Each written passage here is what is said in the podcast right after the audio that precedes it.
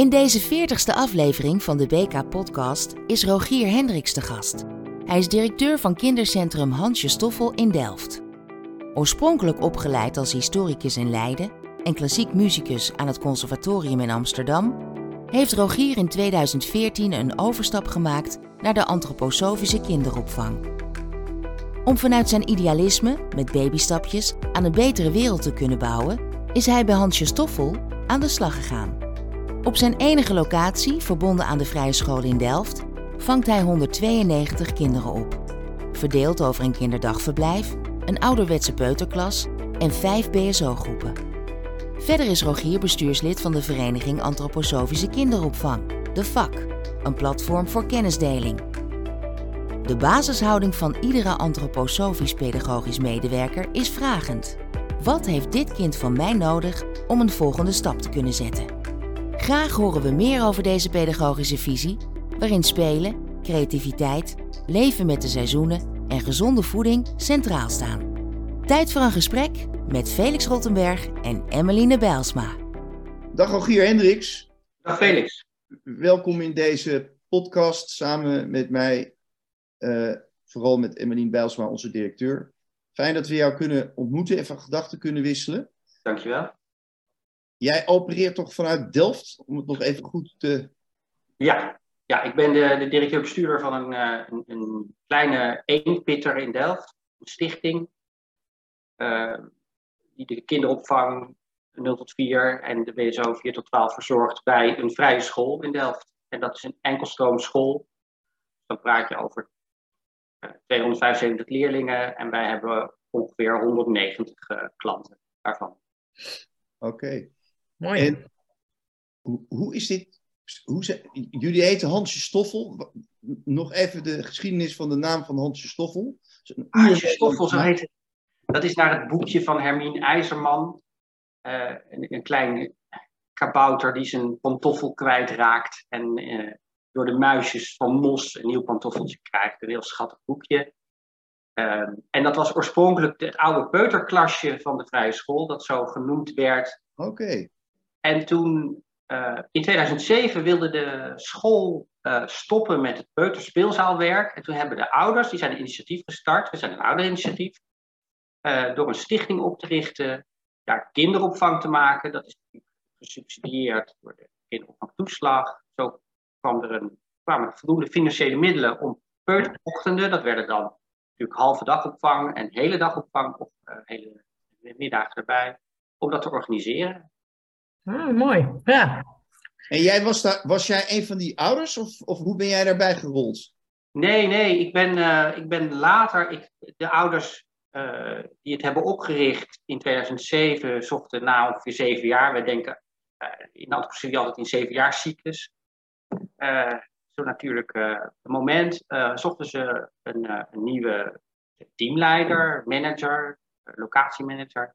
En via via kwam ik daarmee in contact. En, nou, ik zat op dat moment in de oliebranche, hele hardcore opbrengst business in Capelle. Uh, en daar heb ik vooral gezien hoe ik niet wil dat de wereld is. Waar het, maar ik wilde eigenlijk een hele ja, 180 graden het roer om, not for profit werken. Zo kwam dat bij elkaar. Maar jij bent sowieso een antroposofisch sprookje, jouw eigen verhaal. Want je bent muzikus en uh, historicus. Ja, ik heb ook dus voor heb je op conservatorium gezeten? Ja, ik heb in Amsterdam conservatorium gedaan, in Wenen. Ik heb zelfs uh, bij de Philharmonica auditie gedaan. Uh, maar hoe kom je dan in de olie? Ja. nou, maar de, ik vind dat, dat mensen kunnen heel veel dingen. Hè. Ik ben als democraat, vind ik dat mensen kunnen over alles iets vinden. Je hoeft niet een timmerman te zijn om, iets, om te weten of er een deur in je huis moet zitten. Uh, en we kunnen ook heel veel met onze handen maken, met onze geest bedenken. En waarom moeten we... We hebben meer talenten en die kunnen we ook allemaal gebruiken. Vind je dat dat ook wel te maken heeft met de antroposofische levensleer? Wat ik waarneem is dat, dat, dat kinderen die op de vrije school hebben gezeten, dat die van veel markten thuis zijn. Ja. En dat die niet bang zijn om hun handen vies te maken. En dat die ook niet bang zijn om na te denken. En ook niet bang zijn om iets te voelen en te vinden. Ja, dat heeft, denk ik dat dat goed ontwikkeld is. Nou ja, ik heb dat zelf ook wel vaak geobserveerd. Ik ben een Montessoriaan, maar dan kwam ik vaker op, op, het, op mijn eigen lyceum mensen tegen van in Amsterdam, de Geert Grote School, ook antroposofisch. En die vond ik toch bij uitzicht ontzettend creatief. Hè? Die blonk Ja. uit muzikaal, maar ook met allerlei andere dingen. Dus dat is wel grappig. Als ik jullie hoor praten, dan denk ik onmiddellijk eh, aan, aan ons eh, betoog over het belang van spelen. Want dat is ook iets wat de hele, het hele kind, zeg maar, eh, beschouwt of, of als uitgangspunt neemt. Ehm, zie jij die relatie ook tussen dat antroposofische kinderopvang en vrije school? Zeker, zeker. Zeker. Ik denk dat dat, dat dat echt een sleutel is. Ik ging ook op de, toen in de, op de ledenvergadering heel erg aan eh, op, op het thema. Ik denk, ja, dat is iets waar we, wat al jaren ons pedagogisch instrument is. Wij heet- noemen dat het vrije spel. Ja. Ehm, en we laten kinderen spelen. En het vrij spel betekent niet eh, de kinderen in de tuin en zelf eh, koffie gaan drinken en op je telefoon zitten. Zeker niet. Maar het betekent dat je voorwaarden en ruimte schept voor, voor kinderen, voor jonge kinderen, om met materialen die nog niet af zijn, hè, als voorbeeld om ze ja, in hun fantasie te laten komen. En de eerste jaren, kinderen hebben een totaal ander spel dan wij als volwassenen hebben. Wij spelen om de knikkers. We hebben regels, we willen winnen. Ja. Maar als ik kijk, en ik vind dat zo mooi, hè, we zijn in een kleine locatie en ik zit op de gang en ik loop langs de groepen en ik eet wel eens mee. Het is zo fantastisch om dan te zien hoe, hoe een, een jongen een roze jurk aantrekt en de prinses is. Ja. Geweldig. Speel- wij spelen het toneel, hè? wij gaan naar een voorstelling. En- Nee, kinderen zijn wat ze spelen, maar ook eh, een, een zakje knikkers hebben. Maar dat zijn geen knikkers, dat zijn de paarden in de stal. En die Ja. weet je, wij zeggen nee, je moet knikkeren, en dan moet je een pot maken en een knikkerpot en de winnaar gaat met de zak. Dat hebben die kinderen helemaal niet. Nee. Die ontwikkelen zichzelf. En het is zo stimulerend creatief. Er ontstaat natuurlijk interactie. Eh, en ja, wij noemen dat het vrije spel. En dat is echt een, een, een ik denk het sleutelpedagogisch instrument in de eerste zeven jaar die we, dat, die we gebruiken. Ja. Ma- ma- Mag ik nog even over die zeven jaar? Want ik ben heel erg van die zeven. Jij bent van de zes, hè, als Montessoriaan, toch? Nee, nee, nee, ook van de zeven. Nee, maar even serieus, omdat natuurlijk het getal 7 ook in andere religies een rol speelt. Zowel eh, in, de, in de zeg maar, traditionele religies, maar ook in de, in, in de Joodse eh, eh, religie en in de islam en noem maar op. Maar wat, wat is precies de betekenis van het getal 7 bij de antroposofen? Nou, er is.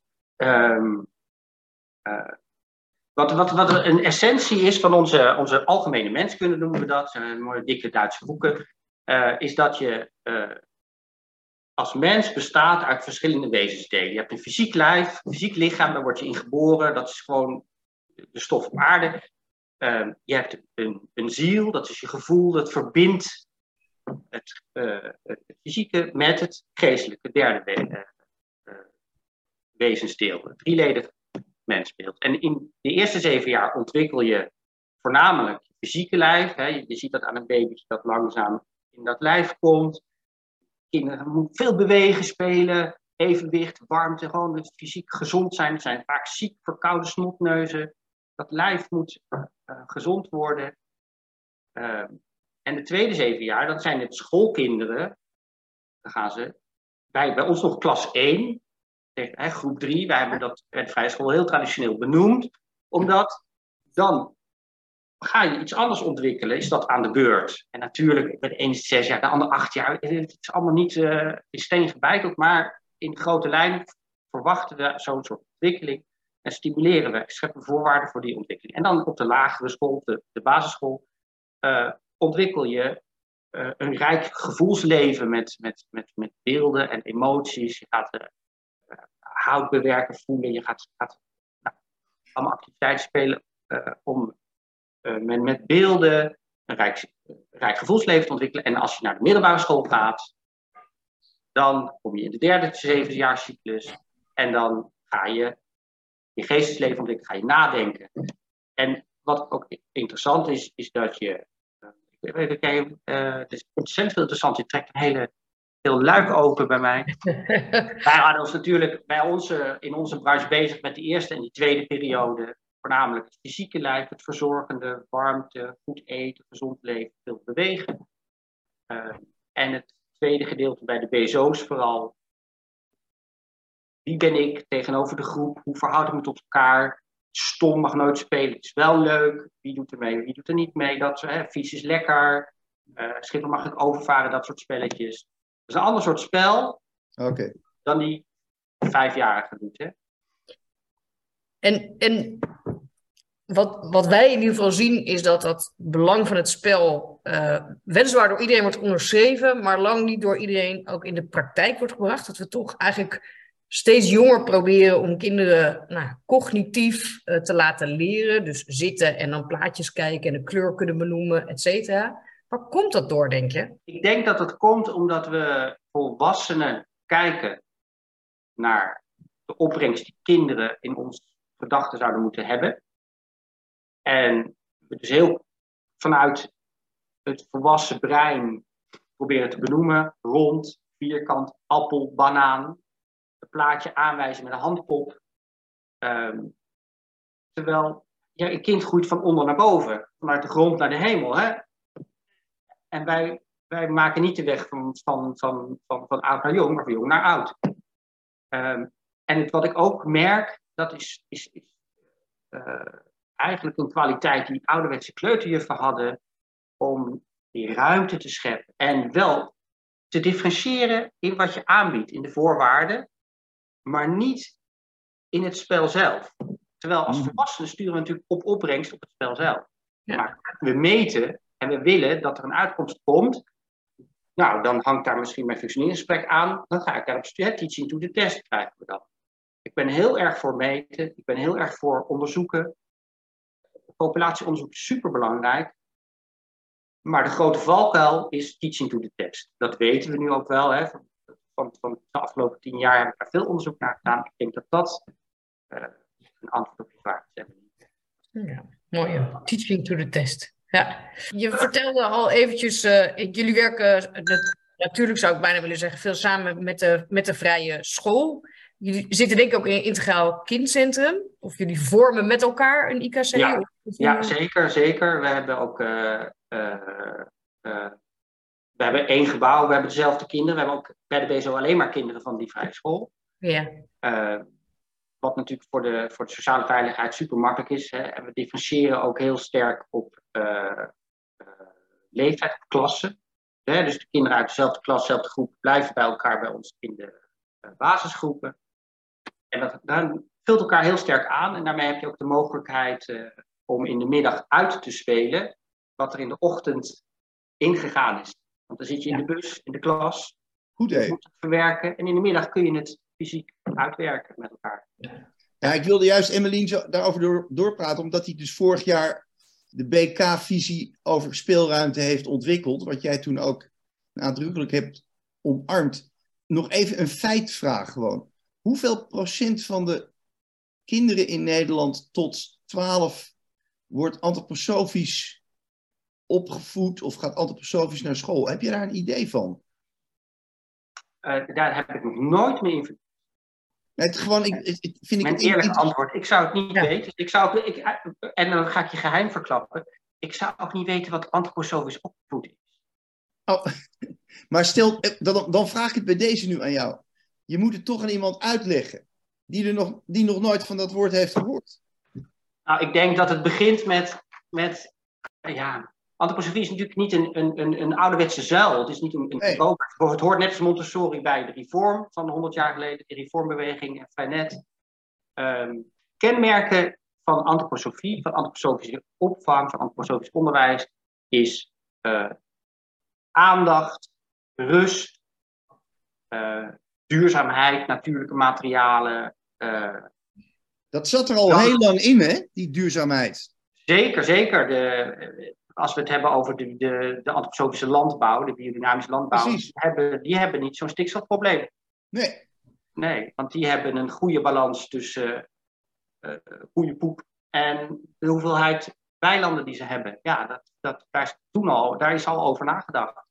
Dat wiel is al uitgevonden.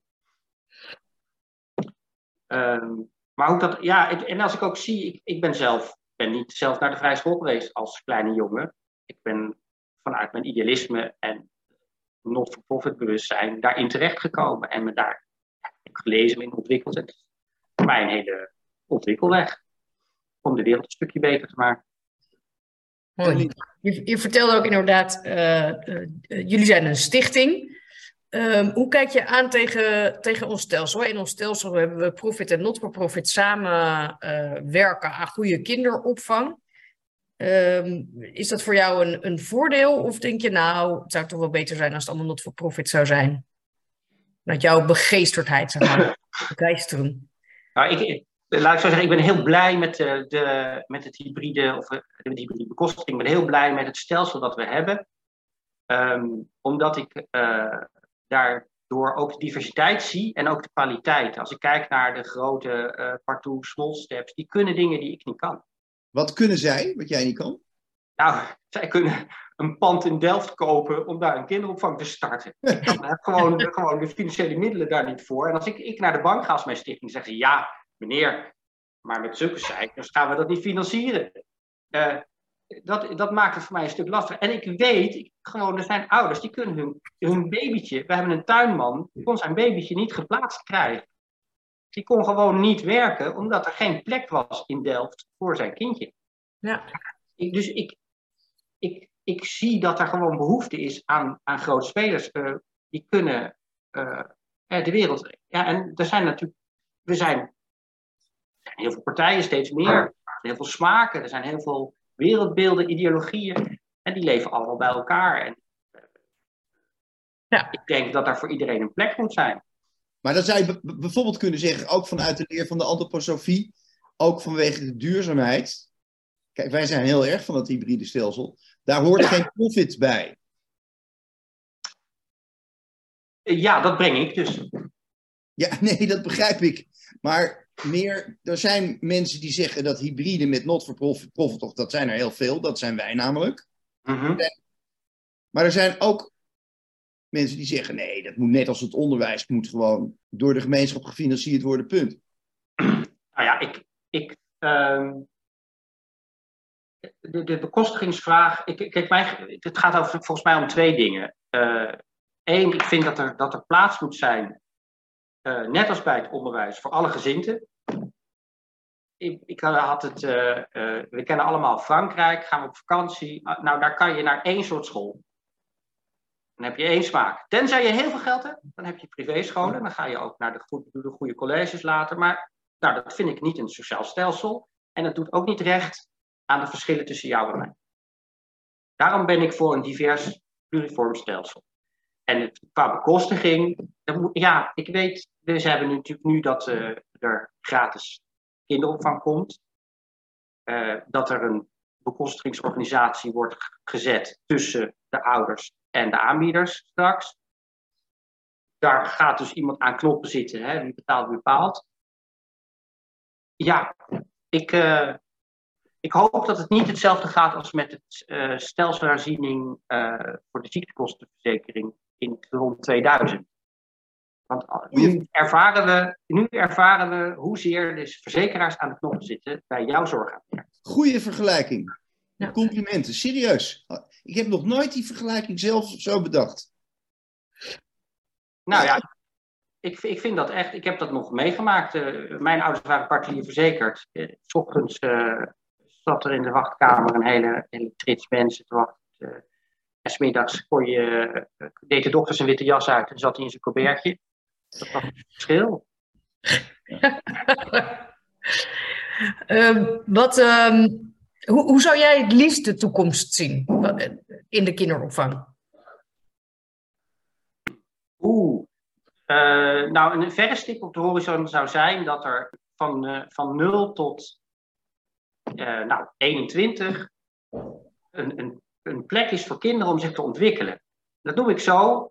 En dat noem ik geen onderwijs, want ik vind dat onderwijs een belangrijk deel daarvan is, maar niet alles.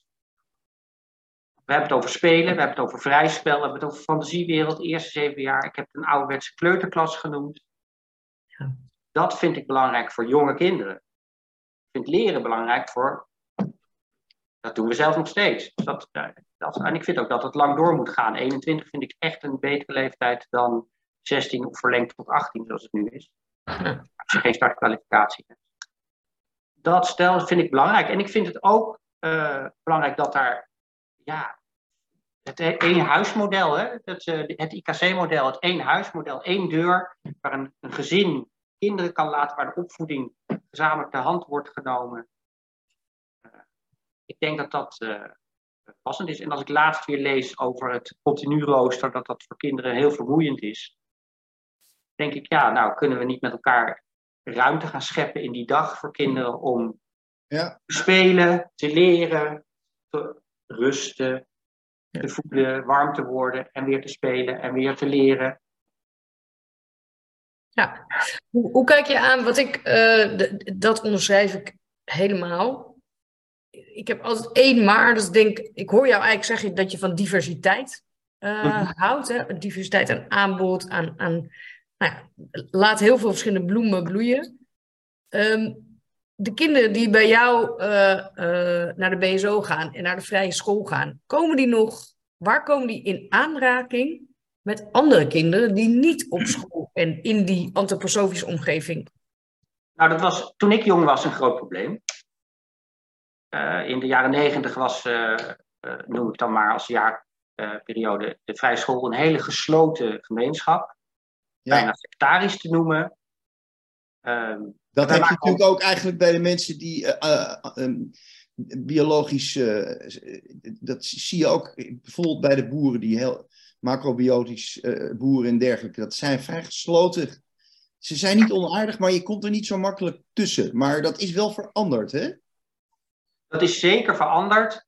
Dat is zeker veranderd. En dat is vooral veranderd eigenlijk na de grote bankencrisis 2008 zie je een grote toename van, het, uh, van, uh, van de opkomst uh, van vrije scholen. En je ziet het na de, nou eigenlijk ook 2018 in Amsterdam, er zijn natuurlijk twee vrije scholen bijgekomen.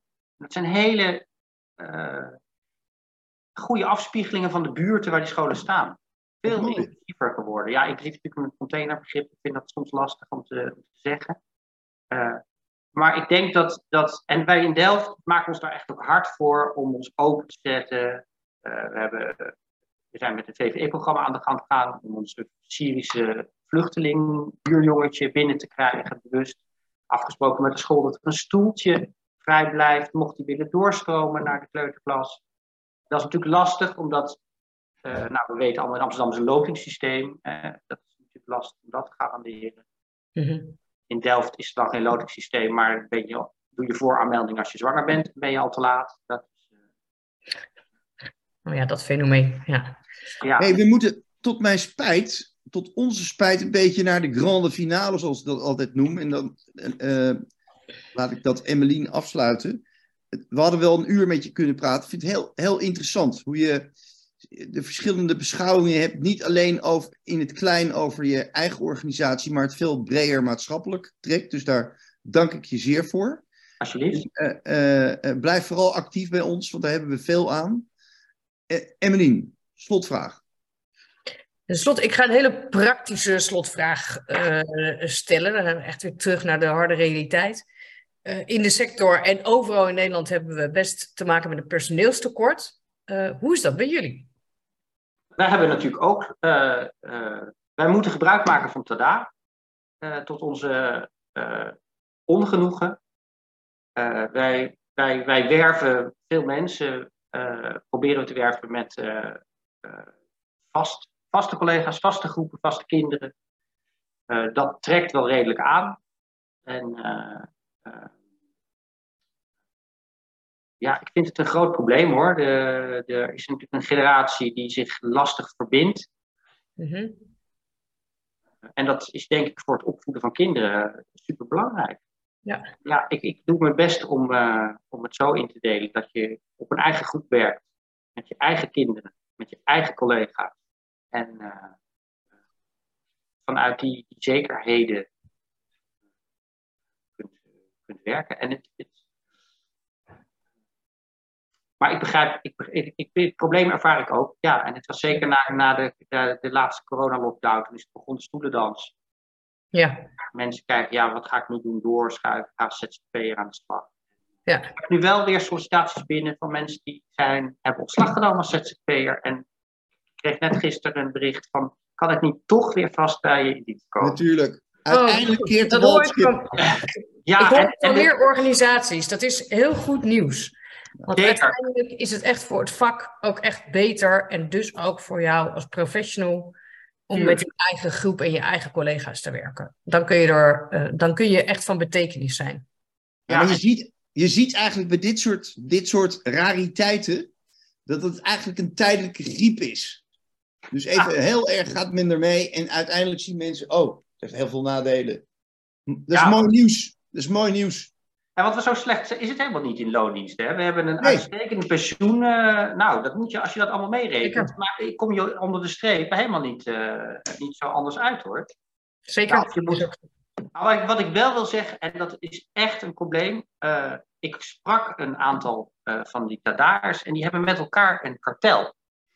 Ja? Die spreken met elkaar op de app af, we nemen een dienst aan. Dan zeg ik hem 25 uur van tevoren af. En dan reageert mijn vriendje of vriendinnetje voor 75 euro. Een hoger Niet te geloven En zeg. zo word ik onder druk gezet. Zo. Ook dit horen we. Dat, dat is een kartel. Maar ik heb die wat appberichten niet. Ik heb geen. Ik bedoel, ik kan er niet mee naar de AFM. Maar misschien kunnen jullie daar wat mee doen. We kennen de verhalen en we ondernemen ook, ook overigens samen met het ministerie, alle complimenten daar ook altijd voor, eh, best heel veel actie. Ehm, en ik denk ook dat we als werkgevers eh, stand moeten houden en toch moeten zeggen, ja, eh, we doen dat gewoon niet. We gaan Nee, daar gewoon niet mee. Nee, nee, dat Hier terwijl het schip. zeker. Goed gesproken. Eh, tot, tot op alle mogelijke momenten waar we hier zullen terechtkomen. Heel veel dank. Nou, tot dinsdag hè. Dankjewel Rogier en tot dinsdag digitaal bij onze ALV. Ja, Precies. Dank jullie wel. Hoi, hoi. dankjewel.